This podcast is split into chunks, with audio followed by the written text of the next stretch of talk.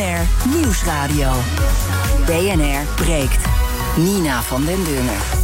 Welkom, fijn dat je luistert naar BNR Breek. Dit is de perfecte onderbreking van je ochtend, van je werkdag misschien wel. Zometeen uitgebreid aandacht voor uh, Cenk Willink, zijn rol nu als verkenner, de kritiek ook die op hem is. Dat hoor je allemaal pas na half twaalf. Maar dan ook nog iets anders interessants. Big Brother, de baas is Big Brother. Hij houdt jou in de gaten, althans jij, als je thuis werkt. Of je echt wel thuis acht uur op een dag werkt. Dat allemaal zo, na half twaalf. We gaan het eerst hebben over de zoveelste aflevering van Prikgate. Dat doe ik met mijn panel. Daarin zit vandaag Emma Mouthaan van platform De Skere Student. Ik kan ook wel zeggen de arme studenten. Emma, ik weet dat dat geen straattaal is en niet stoer om te zeggen. Maar een, een, een, platform wat, ja, maar, wat jou eigenlijk rijk moet maken als student. nou, dat nou ook weer niet helemaal. Maar, Zou mooi zijn. Ja, en ik heb een behoorlijke studieschuld. En daar is eigenlijk de naam uh, uit voortgekomen. Maar ik zou mezelf niet arm noemen. Oké, nou dat is wel mooi. We hebben ook iemand die er debuut maakt vandaag. Sharifa Zemouri, welkom. Dank je. Gepromoveerd in infectieziekte en volksgezondheid. Dus je bent al dokter. Ja. En je bent beleidsmedewerker van de fractie DENK in de ja. Tweede Kamer. Ja. Dat nou, klopt. Kan, kan, je er nog wat aan toevoegen? Met wie hebben we te maken hier? Uh, Sharifa Zemouri, 33, kom uit Amsterdam. Uh, ik ben opgegroeid echt hier in de buurt van de studio. Ja. En, um, Vaste BNR-luisteraar natuurlijk vanaf het... Uh, vanaf mijn zeventiende al groot fan van BNR. Dus, Mooi. dus ik kan begrijpen dat dit een, een meisjesdroom voor mij is. Want ik wil altijd al op de radio komen. Echt waar? Dit, ja. nou, dit is dus de eerste keer. Nou, nou, nou, eigenlijk is het de tweede keer. Ik heb eerder meegedaan met het BNR-verkiezingsdebat. Ja, dus en, uh, wat dat betreft, uh, maar goed, nu voor het eerst echt hier in de studio, ja, BNR breekt. Ja, ja superleuk. Welkom, leuk Dank dat je, je, er bent. We gaan het hebben toch wel over een tragische soap die AstraZeneca heet. Dan uh, jij als oh, ja. dokter, gepromoveerd in infectieziekte en volksgezondheid. Jij vindt hier wat van. Ja, zeker. Emma natuurlijk ook. Komen we zo op. De chaos is compleet. Nu blijkt dat Hugo de Jonge de toediening van het AstraZeneca-vaccin voor 60-minners dus heeft stilgelegd. Maar voor 60-plussers niet. Die hebben er gewoon recht op. Die mogen het wel. Verwarring alom. Oudere organisaties boos. Afbellen van prikafspraken. En vooral ook de vraag hoe nu verder. Is AstraZeneca nou wel of niet goed voor je? Is het nou wel of niet de redding van onze vrijheid? Daarover gaan we praten in. BNR breekt. Breekijzer. Het is volslagen nonsens om 60-minners niet in te enten met AstraZeneca. Hierover gaan we het hebben. Bel me nu 020 468 4 keer 0 Dan praat je zo meteen live mee in de uitzending. Wie we daar ook bij hebben uh, willen vragen... is Ted van Essen, vaccinatiedeskundige en tv-dokter. Goedemorgen. Goedemorgen. Ja, zeg maar meteen. Ben je het eens of oneens met deze stelling? Ik vind dat we moeten doorprikken bij 60-minners die dat willen. Ja, ja, ja. Maar dus, oké, okay, dus volslagen nonsens om 60-minners niet in te enten. Daar ben je dus eigenlijk wel mee eens. Ja. Oké, okay, Sharifa. Uh, ik ben het er deels mee eens. Want ik zou zeggen van we moeten een uh, risicoprofiel opzetten. In de zin van de mensen met een hoog risico op, uh, op trombose... en die 60 minder zijn, dat je die het vaccin niet geeft. Daarnaast vind ik ook dat mensen zelf moeten kunnen bepalen... welk vaccin ze wel of niet nemen. Dat Voor hebben... iedereen zou dat moeten gelden? Ja, dat klopt. Voor iedereen zou dat moeten gelden. Oké. Okay. Emma? Ja, ik vind het heel lastig, want ik ben geen expert. Maar ik denk zijn dat heel veel bellers uh... ook niet, ben ik ook niet. Maar je hebt wel een mening. Ja, ja, ik, um, nou ja, ik vind zelf het enge aan trombose dat je het pas merkt zodra er eigenlijk al schade is opgestaan. Of uh, hoe noem je dat? Opgetreden. Precies. Ja, ja dus uh, wat dat betreft is het niet een onschuldige bijwerking. En stel dat het iets zou zijn waar je wel heel erg last van hebt, maar het, is, het heeft verder geen blijvende gevolgen of blijvende schade. Ja, weet je, dan zou ik zeggen, ga door met prikken. Maar in dit geval, ja. Jij twijfelt. Ja. Jij hoeft AstraZeneca niet meer hoor ik al. Liever niet. nou, maar wel moeten, graag een ander vaccin. We moeten wel natuurlijk kijken naar uh, de, de kans op bijwerkingen. Die heb je bij alle vaccins. En dan moet je dus dan de mm -hmm. voordelen tegen de nadelen opwegen. Van wat is het risico als je het vaccin niet neemt. Daarnaast dat uh, bijvoorbeeld Hugo de Jonge of, of, of, uh, of het EMA dus zegt van nou doe het maar wel bij 60-plussers. Daar schrik ik juist van. Want hoe ouder je bent, hoe groter je kans op trombose. Van, ja vaccineer juist 60-plussers er niet mee. Ja, want jij, zou jij uh, AstraZeneca nemen? Uh, nee, want ik ben niet voor een dubbele shot voor mezelf. Omdat ik geen risicogroep ben. En ik heb ook al corona gehad. Ik, mijn voorkeur gaat uit naar een single shot vaccin zoals dat van Janssen. Oké, maar, maar dat, maakt dat dan toch niet uit? Dus een dubbel shot of een single shot? Of maakt dat voor jouw gezondheid wel degelijk uit? Uh, ja, want ik, uh, ik heb nu al antistoffen aangemaakt. Ja. Dus om dan een dubbele shot te gaan krijgen... denk ik van geef die dan aan mensen die nog geen corona hebben gehad. En de mensen die wel... Want dat maakt hen meer sterker, meer ja. antistoffen. En jij hebt het al gehad, dus jij zegt één shotje. Maar dat ja. mag in jouw geval ook met AstraZeneca zijn? Uh, ja, het AstraZeneca is een dubbele shot. Ja, dus dat kan niet in eentje. Nou ja, het kan ja. wel. Ja, het is, het, is een, het, is, het is een dubbele shot. Maar bijvoorbeeld, ik behoor niet tot het risicogroep uh, voor het ontwikkelen van trombose. Ik heb geen overgewicht, ik gebruik niet de anticonceptiepil, ik rook niet. En op basis daarvan ben ik dus dan geen, uh, geen risicogroep. Dus ik zou zeggen ja. van klassificeer mensen op risico, doe een risk assessment voordat je dus dan een vaccin gaat uitdelen. Ja, voordat we naar uh, Ted gaan en natuurlijk naar de bellers, gaan we nog even luisteren naar Hugo de Jonge, want die stond gisteren natuurlijk voor alle camera's en de microfoons. Uh, nadat hij dus eigenlijk het spoedadvies van de Gezondheidsraad had overgenomen. Voor de, de planning van de vaccinatieoperatie heeft het ook geen grote consequenties. Verwachten we, uh, we streven ernaar om in de tweede helft van mei iedereen die een verhoogd risico heeft... dus de mensen van 60 jaar en ouder en de mensen met een verhoogd medisch risico... om die in ieder geval die eerste prik te hebben gegeven. En uh, die planning, uh, die, daar verwachten we geen grote wijzigingen in. En ook ten aanzien van het kunnen hebben gezet van in ieder geval die eerste prik in het begin van juli voor iedereen. Ook daarin verwachten we geen grote wijzigingen. En wat de precieze consequenties voor de planning zullen zijn, dat werken we de komende dagen verder uit met het RIVM. Ted, wat denk jij? Geloof jij dit als uh, de jongen zegt... nou, dit heeft, wel, uh, dit heeft niet zo heel veel gevolgen voor de planning? Nou, het probleem met die Astra is dat die heel slecht geleverd worden. Dus we varen toch vooral op die andere vaccins die wel goed geleverd worden. Mhm. Mm -hmm. uh, maar het is wel zo, als je het gewoon uitrekent... en je gaat alleen maar boven de 60 Astra geven... dan houden we een vaccin over. Toevallig kost dat heel weinig, want het is het goedkoopste vaccin wat er is, hè, 2 euro. Dus mm -hmm. als we een miljoen vaccins overhouden, dan is dat 2 miljoen euro wat we weggooien. Dat valt nou wel weer mee. Ja, maar de verspilling maar, überhaupt, maar, want we maar, willen toch naar die groepsimmuniteit? Ja, precies. Dus ik zeg maar, en ik denk dat het best gegeven kan worden aan mensen onder 60 jaar. Maar het probleem is dat de Gezondheidsraad heeft gezegd dat het risico wat te hoog is. En zij bedoelen dat als we dat zomaar aan iedereen gaan geven, zoals we dat met die andere vaccins hebben geadviseerd, dan uh, zijn we misschien niet eerlijk genoeg tegen mensen. Ja. Je zou er met mensen gesprek over moeten aangaan. De minister, of staatssecretaris Blokhuis heeft heel veel aandacht besteed aan de vaccinatiebereidheid voor de andere vaccins hè, in het verleden. Die ging wat om, naar omlaag en toen is het advies gegeven om met mensen in gesprek te gaan, omdat heel veel mensen vragen hebben die ze gewoon graag beantwoord willen hebben. En wie moet dat doen, dat gesprek voeren? En dat doen de jeugdartsen bijvoorbeeld voor het, uh, voor het Rijksvaccinatieprogramma. En het doel is dan om de mensen duidelijk te maken waarom het nuttig is om je te laten vaccineren. En um, ik denk dat dat bij deze Astra-vaccins ook zo zou moeten gebeuren. Er zijn heel veel mensen die echt doodsbang zijn om corona te krijgen... en daar best recht op hebben, op die angst... omdat ze bijvoorbeeld een extra risicogroep hebben. Ja. Als je 33 bent, wat ik net hoor van een van de anderen... 33, dan is het risico voor corona zeer gering. Dan doe je een vaccinatie omdat je wilt dat de corona de wereld uitgaat... Ja. en dat je andere mensen beschermt. Tenzij je een ziekte hebt, hè? Dat, dan wil je helemaal geen risico verlopen. Daar zit dan nog wat in. Maar als je uh, 55 bent en je hebt ernstig diabetes... of je hebt COPD of je hebt een hartkwaal... dan wil je eigenlijk zo snel mogelijk het risico van de corona tegengaan. Ja. En dan kun je dat afwegen tegen het risico van de trombose. Ik hoor overigens de andere panelleden ook zeggen... eigenlijk alle trombose op één op één uh, hoop gooien, dat is niet zo verstandig. Trombose komt heel veel voor, maar deze trombose...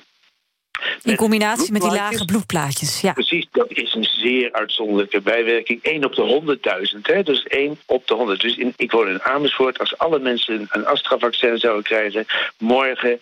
dan zou één daarvan deze aandoening krijgen. Ja. Als al die mensen corona krijgen, 20% van de mensen heeft nu corona gehad, dan zouden daar waarschijnlijk honderden mensen aan overleden zijn. Dus dat afwegend.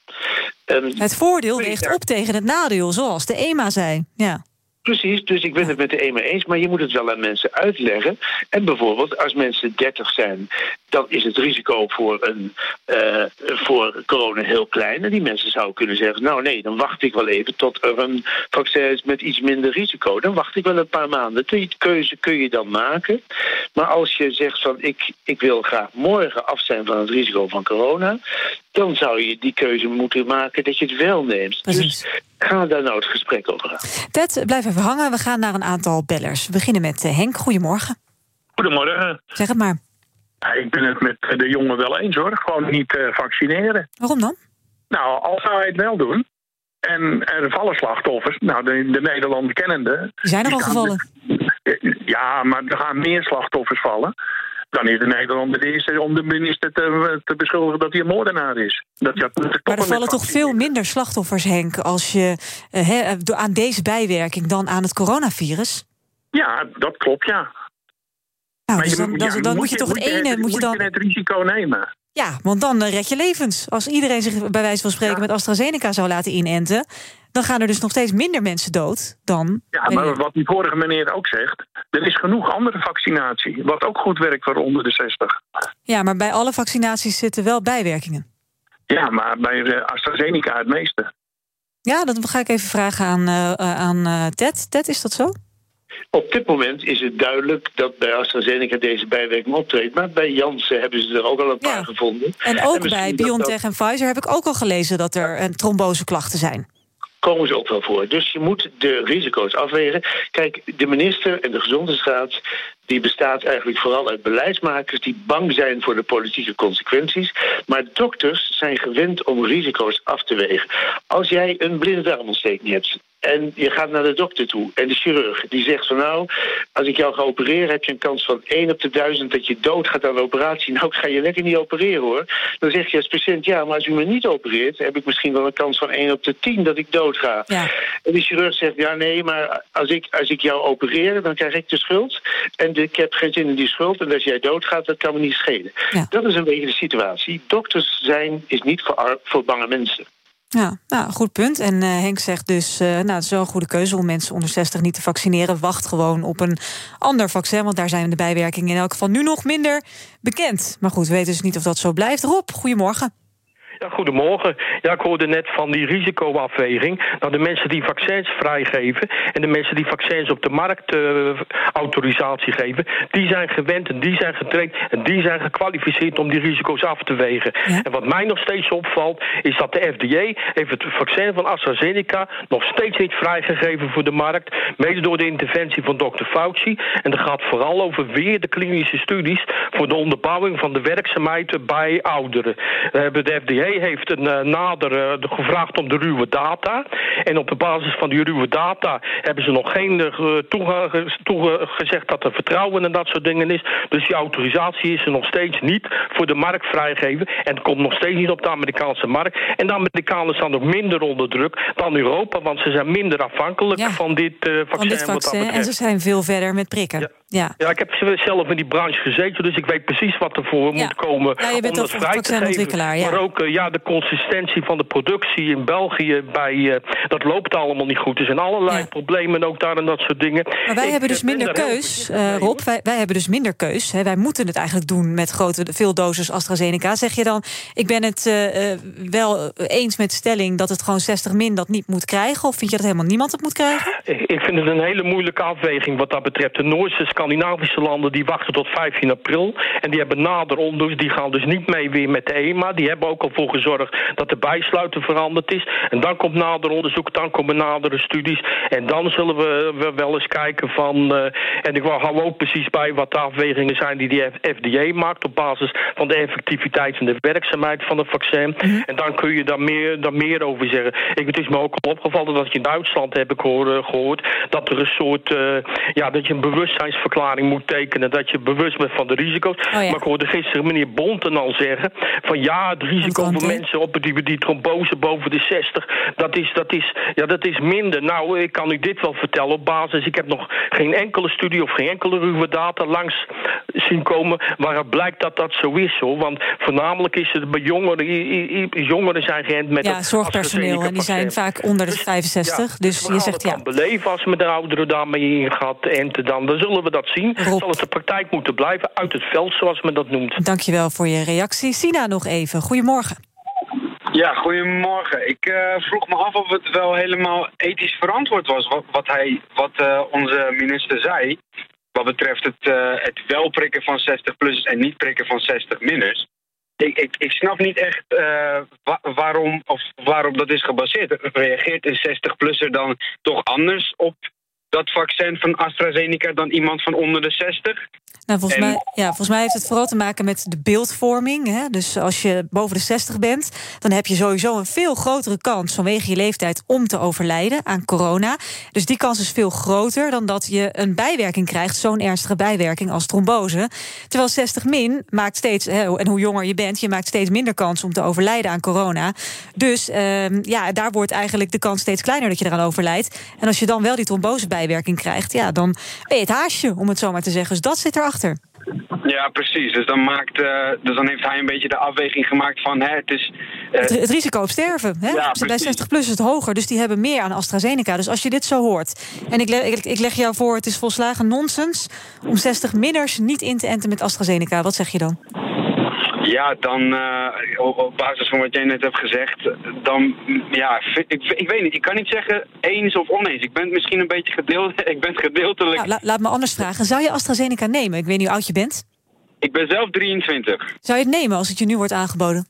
Nee, ik zou doen wat eh, de mevrouw eh, net zei voorheen, een kwartiertje geleden. Doe mij dan maar Emma, gewoon denk het Janssen-vaccin. Ja, Emma zei ook, eh, ik wacht wel liever even als het kan. Ik zei Of het, zei ik Sherika zei zei dat. vaccin, ja. Ja, nou ja, goed. Dus even wachten als het kan. Dankjewel, Sina, voor jouw reactie.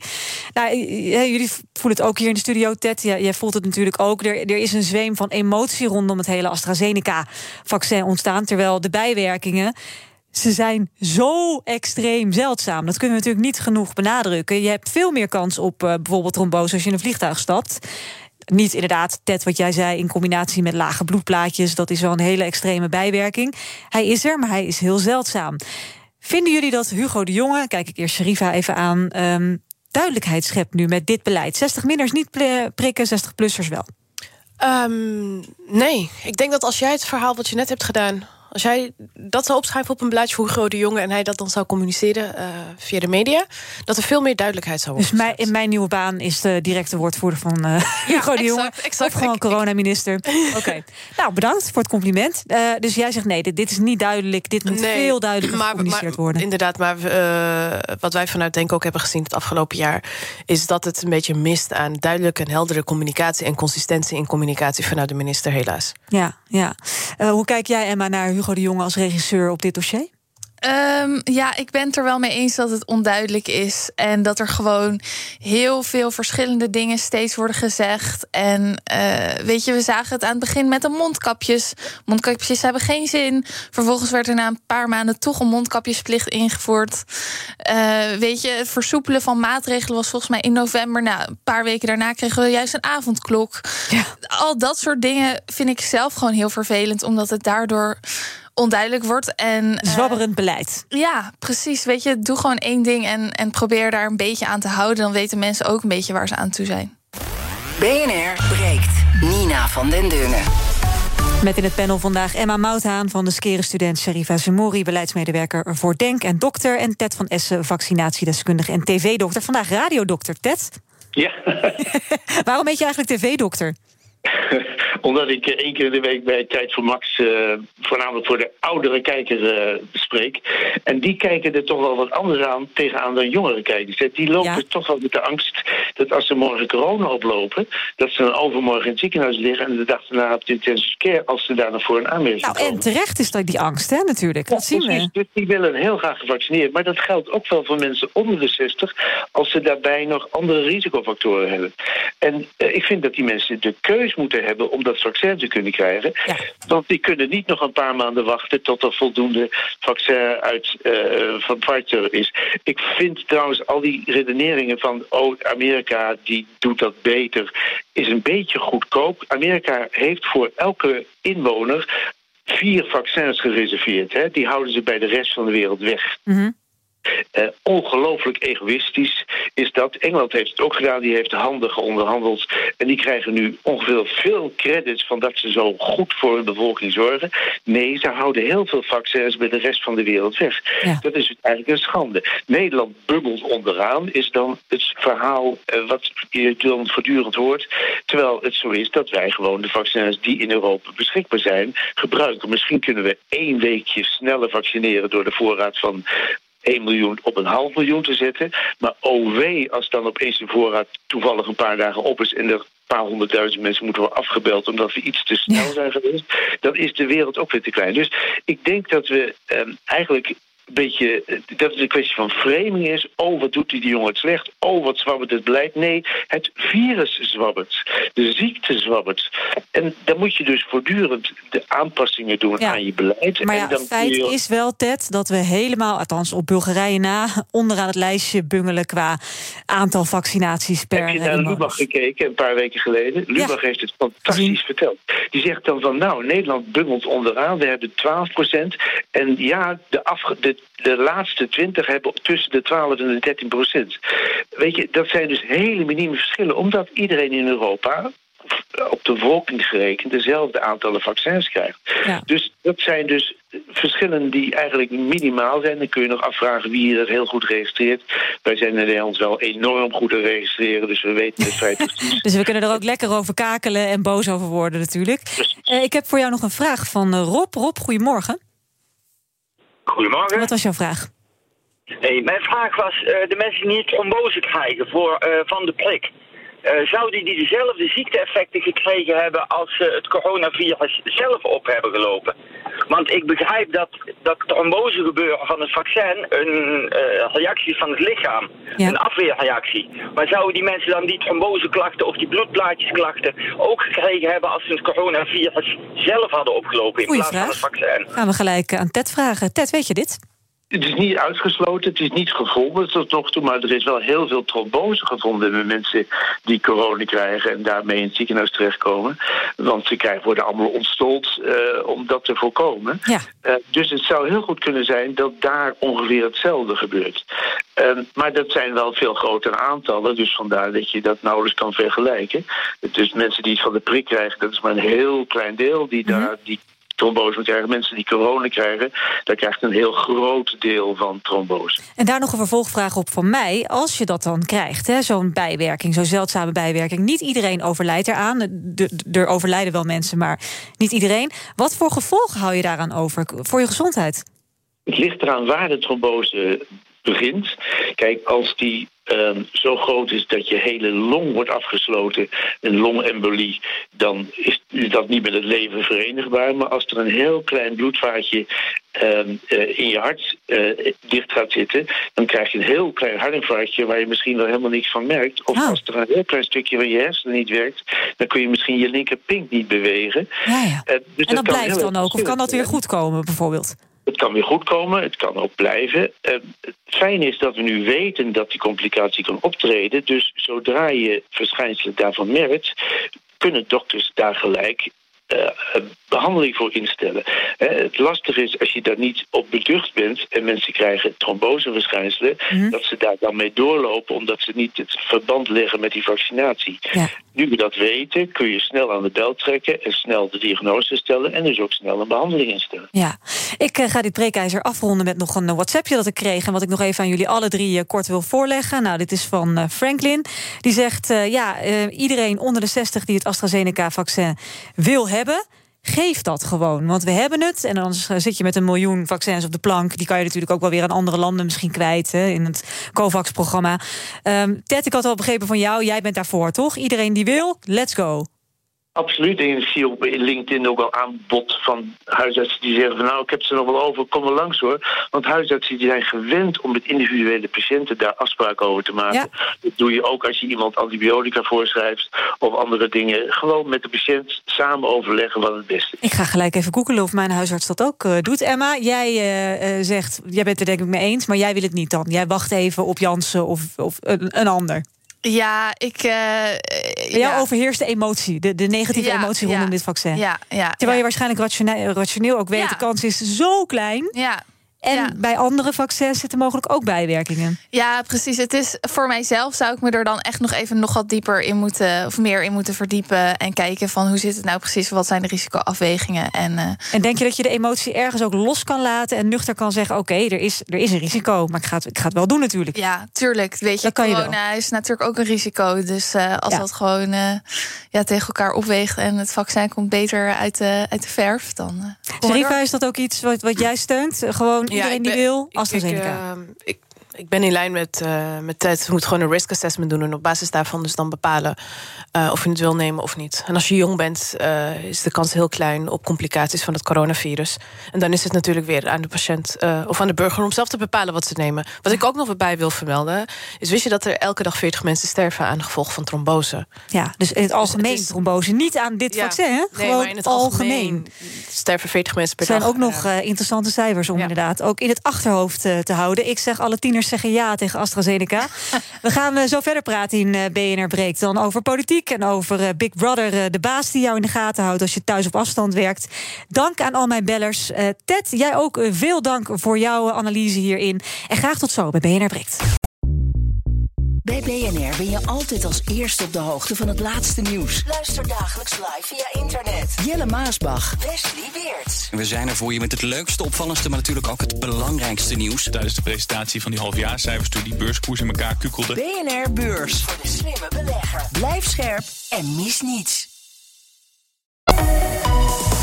BNR Nieuwsradio. BNR breekt. Nina van den Dungen.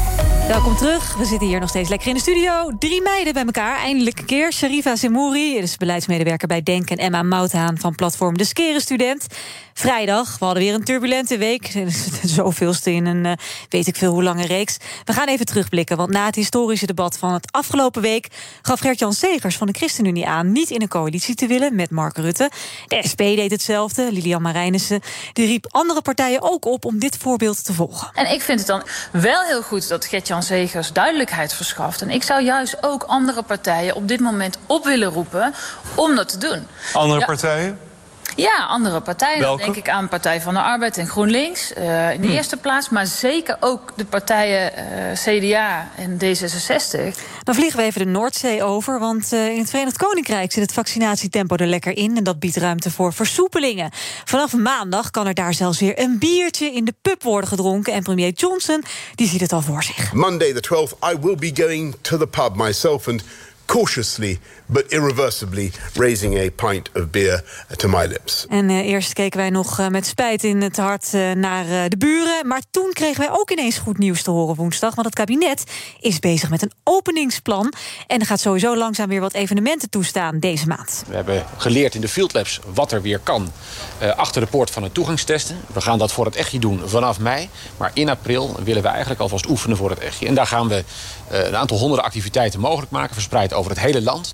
Minister De Jonge zei dat. We blijven even bij hem, want daarna kwam hij er natuurlijk mee... dat we dus weer tijdelijk gaan stoppen met het prikken... met het AstraZeneca-vaccin. Dat was uh, woensdag uit mijn hoofd dat hij dat ook zei. Nou, juist om het zeker voor het onzekere te nemen... hebben we op die pauzeknop gedrukt. En we zien dat dilemma natuurlijk heel erg goed. Maar de vaccinatiebereidheid op de langere termijn... Uh, is uiteindelijk wat de doorslag moet geven bij een dergelijk besluit. En dan Khadija Arib, beter bekend als... Ariba. U kunt... Ariba dus. Ze is nu uh, Kamervoorzitter af. Deze vertrouwde stem gaan we dus niet meer horen.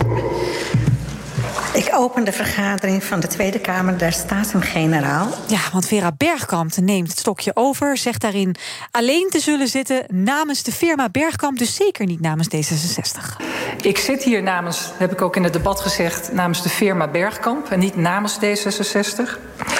Uh, en ik vind het belangrijk om dat ook te zeggen. Ik ga voor alle 149 Kamerleden uh, voorzitter zijn. En tot slot dan de terugkeer van Theo Hiddema aan het Binnenhof. Hij was nog niet zo lang weg. Een paar maanden geleden zei hij ineens er geen zin meer te in, uh, in te hebben... na alle racistische drek binnen Forum voor Democratie. En toen denk ik, wat moet ik met die racistische drek? Steeds om me heen heb ik er geen zin in. Maar ja, hij vindt het nou toch wel weer prima om terug te gaan. Hij heeft even goed over nagedacht. Vindt Forum uiteindelijk toch wel een prima club. Dus dat was een uh, interessant BNR weekje. breekt. Nina van den Dungen. Nou dat, hallo. Sharifa, eigen nieuws doen we altijd even als we hier uh, in Breekt zitten. Uh, dit is jouw debuut. Wat heb jij meegenomen vandaag? Uh, het, het, zachte optreden van burgemeester Abu Talib van Rotterdam... naar de racistische politieagenten toe. Ah, een mooi bruggetje van Theo Hiddema over racistische drek gesproken... Ja. naar de agenten in Rotterdam. Vertel even ja. in een notendop wat daar gebeurde. Je hebt het over de WhatsAppjes ook, hè? Ja, ja zoals we weten zijn uh, allerlei racistische WhatsAppjes... maar ook het etnisch profileren wat, waar, waar agenten zich schuldig gaan maken... dat het niet meer iets incidenteel is, maar structureels. En elke keer als wij daar... Ja, als dat weer direct naar buiten toe. En uh, dan is er, ontstaat er ophef over. En dan zien we toch uh, dat de burgemeesters, in dit geval uh, burgemeester Abu Talib, toch wel met de fluwelen handschoen met de agenten omgaan. Terwijl... Wat had hij moeten doen? Ontslaan. En, en wat, kan hij dat nu nog steeds of is hij nou gewoon te laat? Want dit speelde al, wanneer was het? Een paar maanden geleden? Ja, nou, maar we zijn al te laat wanneer we dus agenten toelaten... en als we onze collega-agenten toelaten... om uh, verschrikkelijke racistische opmerkingen te mogen maken... zoals weer een Turk minder. Terwijl die ene Turk minder is wel een mevrouw... die op een brute wijze is vermoord. En wat voor heel veel verdriet heeft gezorgd. Um, het feit dat we dit soort mensen in onze korps hebben... die ons moeten beschermen, dat ze dit soort uitlatingen doen... zijn we al te laat. Enorm pijnlijk natuurlijk. Dus wat ja. dat betreft zeg je voor ontslaan... ontslag is het nooit te laat, wat dat nee, betreft. dat klopt, dat klopt. Er is natuurlijk wel een plan van de nationale politie om nu de komende jaren, hè, want er gaan heel veel agenten met pensioen, ja. om die werving, daar moet een keiharde campagne op, er moet veel geld in en er moet ja. echt 35 procent, geloof ik uit mijn hoofd, mensen met een niet-westerse migratieachtergrond ja, moeten het korps in. Ja, ja, voor meer diversiteit. Is dat de oplossing? Um, het, het zorgt er wel voor natuurlijk uh, dat, dat, dat de cultuur een beetje verandert dat je wat meer kleur hebt. Op een goede manier, toch? Op een goede manier. Ja. ja. op een goede manier inderdaad. Maar wat je ook aan de andere kant ziet... is dat wanneer agenten van, uh, van een bepaalde afkomst... Uh, dus dan aan of opmerken van... ik ervaar discriminatie of ik ervaar dit of dat... dan wordt het als klokkenluiders gezien, dan worden ze weggepest. Denk bijvoorbeeld aan de, aan de politieagent uh, Fatima Aboulafa...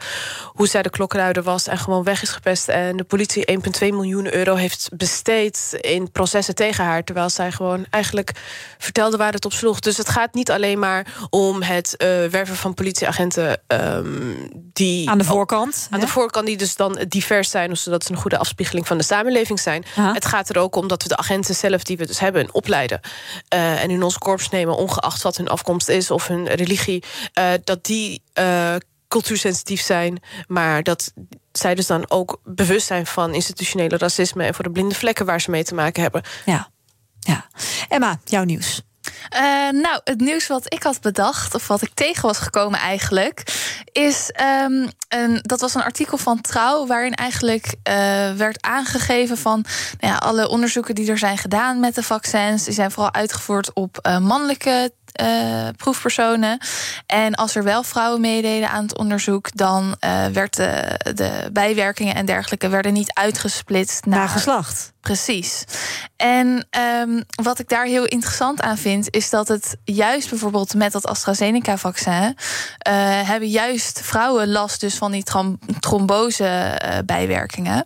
Maar dat geldt voor heel veel medicijnen eigenlijk, maar überhaupt onderzoeken, dat het altijd gebaseerd wordt op de man. En dat de vrouw eigenlijk ja, als een soort van afgeleide daarvan wordt gezien. En dat als het voor. Hetzelfde worden gezien als hetzelfde. Er zou Precies. geen verschil moeten zijn tussen man en vrouw in hoe wij reageren op medicijnen, want we zijn allemaal mensen. Precies. En, en dat, dat, dat, klopt niet. Nee, dat is niet zo. Dat is niet zo.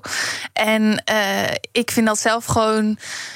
Ja, best wel erg eigenlijk. Want ik ben zelf natuurlijk ook vrouw. En als je dan bijvoorbeeld leest dat uh, vrouwen gewoon veel meer kans hebben om te komen overlijden bij uh, auto-ongelukken, bijvoorbeeld, omdat de tests altijd worden gedaan met een gemiddeld uh, proefpersoon, zeg maar, zo'n pop. Bij car crashes bedoel precies, je? Precies, ja? precies. En die heeft een mannelijke bouw en het gewicht van de man. Precies, ja. En ja. vrouwen zijn kleiner en daardoor is het dus niet op hun afgestemd. Nou maar zie je wel af en toe van die horrorbeelden van waar ze ook een, een zo'n babypop in een kinderzitje zetten. Dus daar testen ze dan wel op. Ja, ja. Dus, ja, dus... ja, maar Emma heeft hier een heel goed punt. Kijk bijvoorbeeld naar, uh, naar de diagnostiek, bijvoorbeeld uh, diagnose voor autisme.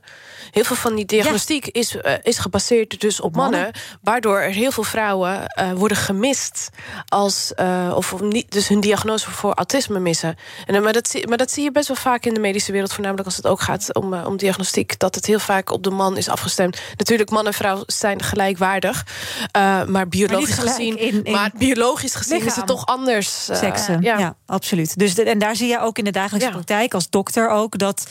Nou, ik ben geen arts, ik ben een wetenschapper. Snap ik een wetenschapper, ja. maar goed, je hebt te maken met de gezondheid, uh, de, de, gezondheid, volksgezondheid. Dat er nog steeds eigenlijk te weinig aandacht is specifiek daarin. Nou, ik, ik, kan, je, ik, ik, kan je een persoonlijk voorbeeld geven. Um, ik ben uh, in 2016 gediagnosticeerd uh, met autisme. Dus ik zit op het, uh, het autisme-spectrum. En ze hadden daar heel veel moeite mee. En toen zei dus de arts ook zo van... de reden waarom jij dus zo lang ongediagnosticeerd bent gebleven... heeft te maken met het feit dat je vrouw bent. Want vrouwen die kunnen dus dan wel gewoon sociaal zijn. Zie ik zit hier met jullie in de studio te lachen en te ja, praten. je merkt helemaal niks aan je, nee. Nou, nou, maar dan merk je dus ja. daar niks aan. Terwijl het... Omdat de diagnose dus voornamelijk is gesteld... of, of is gevalideerd dus dan op mannen en niet op vrouwen. En dan mis je dus heel veel diagnoses. Ja, ja, mooi dat je dat voorbeeld geeft. Want ik heb exact, een goede vriendin van mij heeft exact hetzelfde. Heeft een half jaar uh, is ze bezig geweest met diagnose stellen. En uh, ja, die is ook al begin 30. Dus ja. ja. je moet er heel lang op wachten voordat er duidelijk wordt van wat is er nou met mij. Ja, daarom moeten die tools, maar ook bijvoorbeeld medicijnen, moeten dus gevalideerd worden op zowel mannen als vrouwen. En uh, waar jij het dus dan over had, het stratificeren van de uitkomstmaten. Ja, mooie sterke voorbeelden allebei. We gaan weer even terug naar de politiek.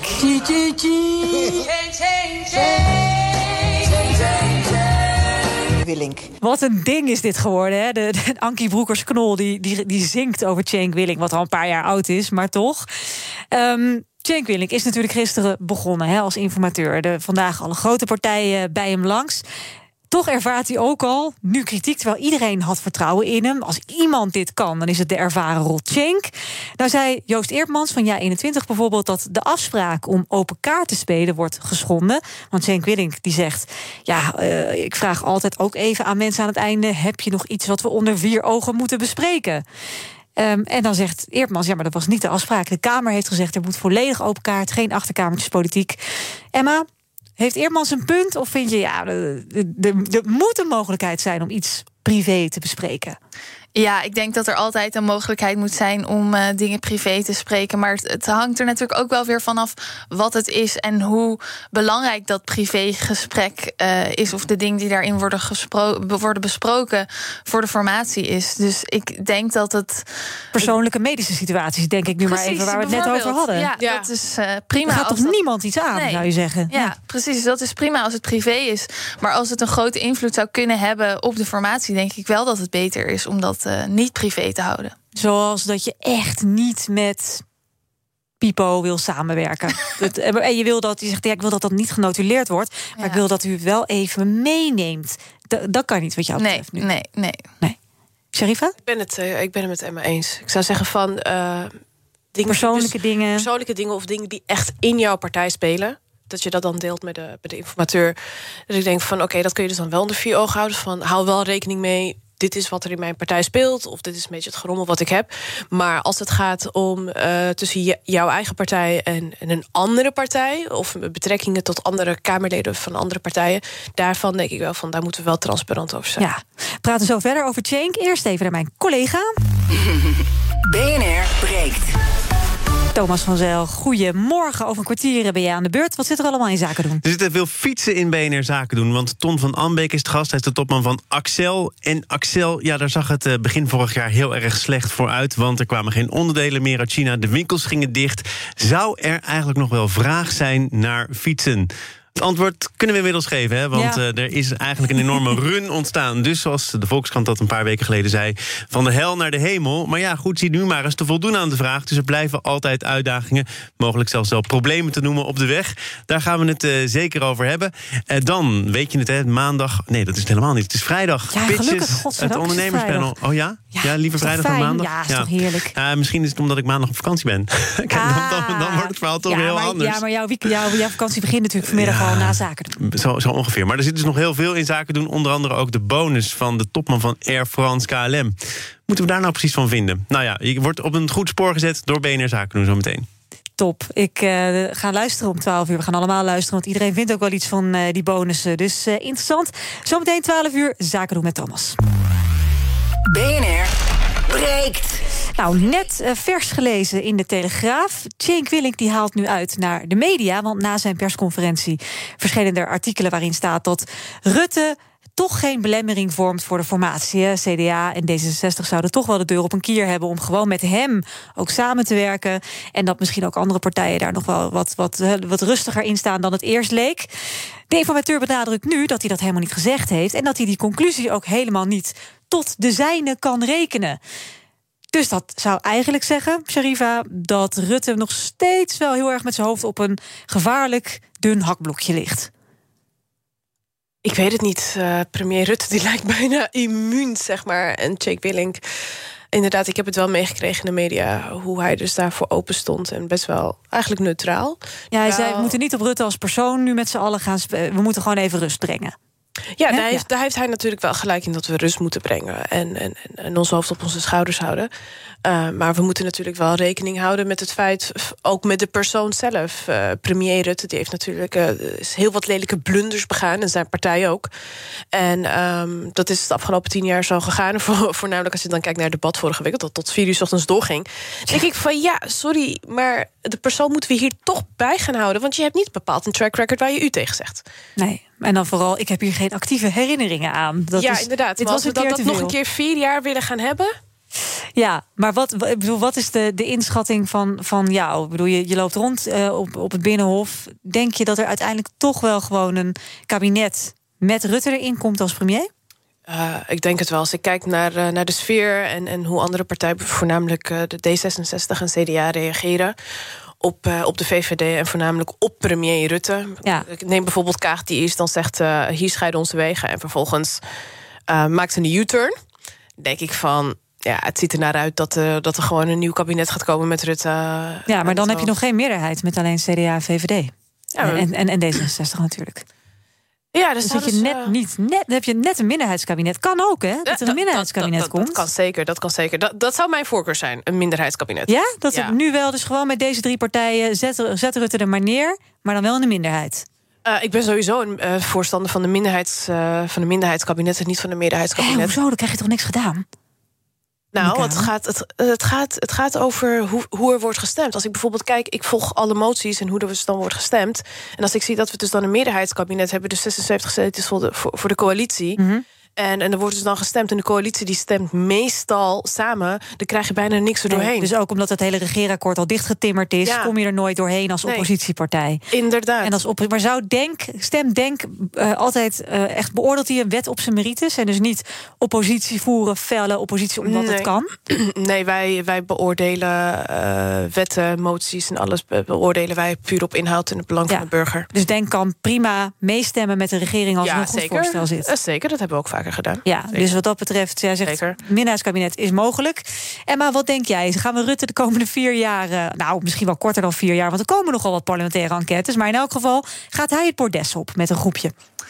Ik vrees het wel. Ja, ja. Ik uh, ben zelf ben ik echt uh, geen fan meer van de VVD. Of nou ja, ben ik überhaupt nooit echt geweest. Maar weet je, die toeslagenaffaire, dat, ik vind het zo erg wat daar is gebeurd.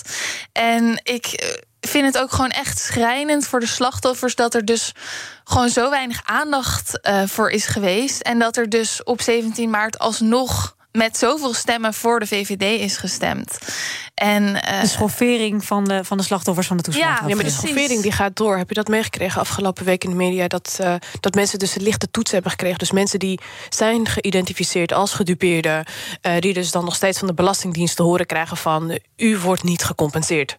Dus die zijn nu weer de, de dubbele dupe. En die snappen ook niet van het, het overkomt mij nu er, nog een er, keer. Er komt geen eind aan. Hè? Nee, aan, het, aan deze het gebeurt saga. nog een keer. Dus uh, bij, bij Denk, onze inboxen, die, die lopen ook echt helemaal vol. Met mensen die dus dan... Uh, om hulp vragen. Om hulp vragen, maar ook gewoon laten zien van... kijk, dit is, dit is wat er gebeurt. Snap je, de, de media die heeft het nog niet helemaal opgepikt... maar we, wij pikken het nu wel op vanuit, vanuit de burgers... die ons laten zien van... ik krijg opeens een lichte toets... en er wordt mij niet eens verteld op basis waarvan. Uh, maar ik krijg gewoon mijn 30.000 euro niet die, die, die, ik moet, die ik moet hebben. Dat is een aardige ramp, want er zit gewoon geen kabinet. Ja, demissionair, die zich alleen met corona en de formatie bezighoudt. Ja. Dus je kan nu helemaal niks als denk. Nee, we, we, we proberen het natuurlijk. Um... Maar wat, wat probeer je dan? Wat kun je? Ja, ik zit letterlijk met mijn handen in het haar. Ja. Je, je kan dus gaan, je kan gaan roepen en schreeuwen. En, uh, en, en debatten gaan debatten vragen, maar, ja, maar ja. dan krijg je steeds elke keer hetzelfde antwoord. We zijn demissionair, we zijn demissionair. Dus we kunnen er zo niets doen. Ja, en op dat moment, kijk, gewoon ik als persoon... dus niet als denk, maar als persoon... Mm -hmm. dan ga ik dus dan wel zitten twijfelen van... ben je nou demissionair geworden? Ja. Zodat je zoveel mogelijk alles kan uitstellen... en geen acties ondernemen? Of ben je demissionair geworden...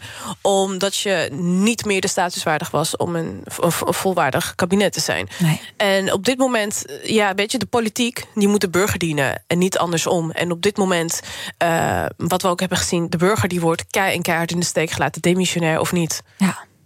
Oké, even genoeg politiek. Laten we het gewoon even los.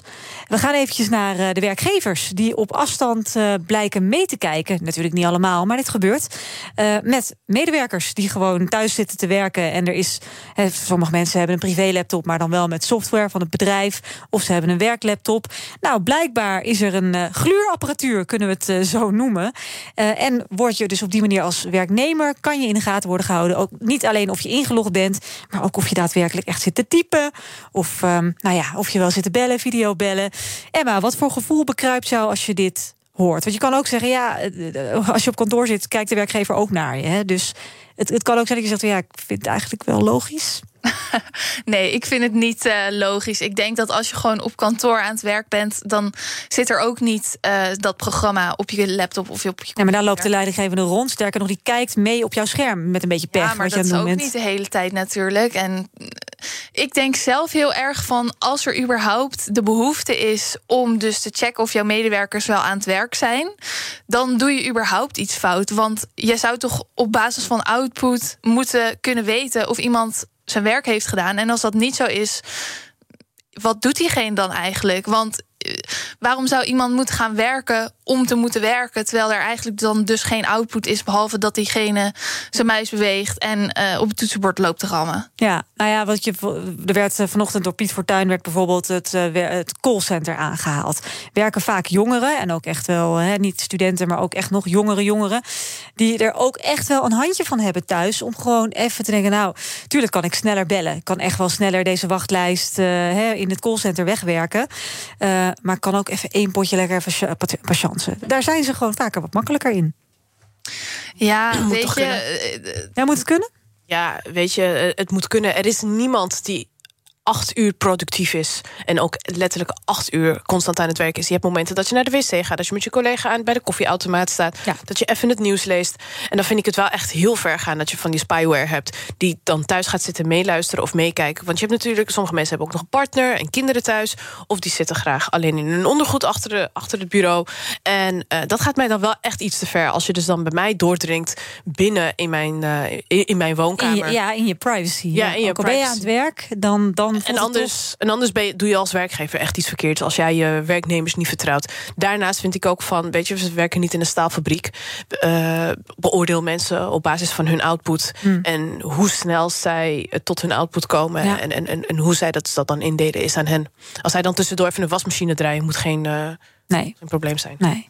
En stel nou dat je inderdaad, uh, je bent een, een medewerker van een callcenter. Je denkt, volgens mij uh, houden ze me in de gaten. Um, neem het maar eens op hè, tegen je baas. Als in, ga maar eens naar je baas toe en zeg van...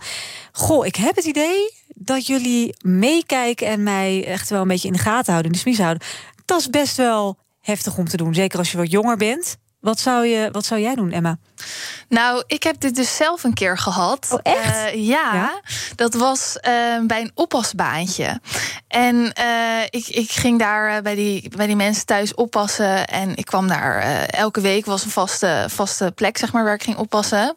En op een gegeven moment zat ik gewoon op de bank, weet je, die kinderen waren. Je ziet zo'n beer met van die bewegende ogen waar een camera in zat, vanuit een film. Ja, nou, dat nog net niet. Maar inderdaad, in de boekenkast zag ik een camera.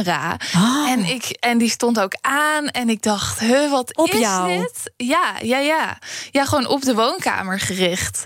En ik voelde me meteen heel ongemakkelijk. Zo, dat snap ik, ja. Dat, dat is zoiets wat je niet verwacht. En wat deed je toen?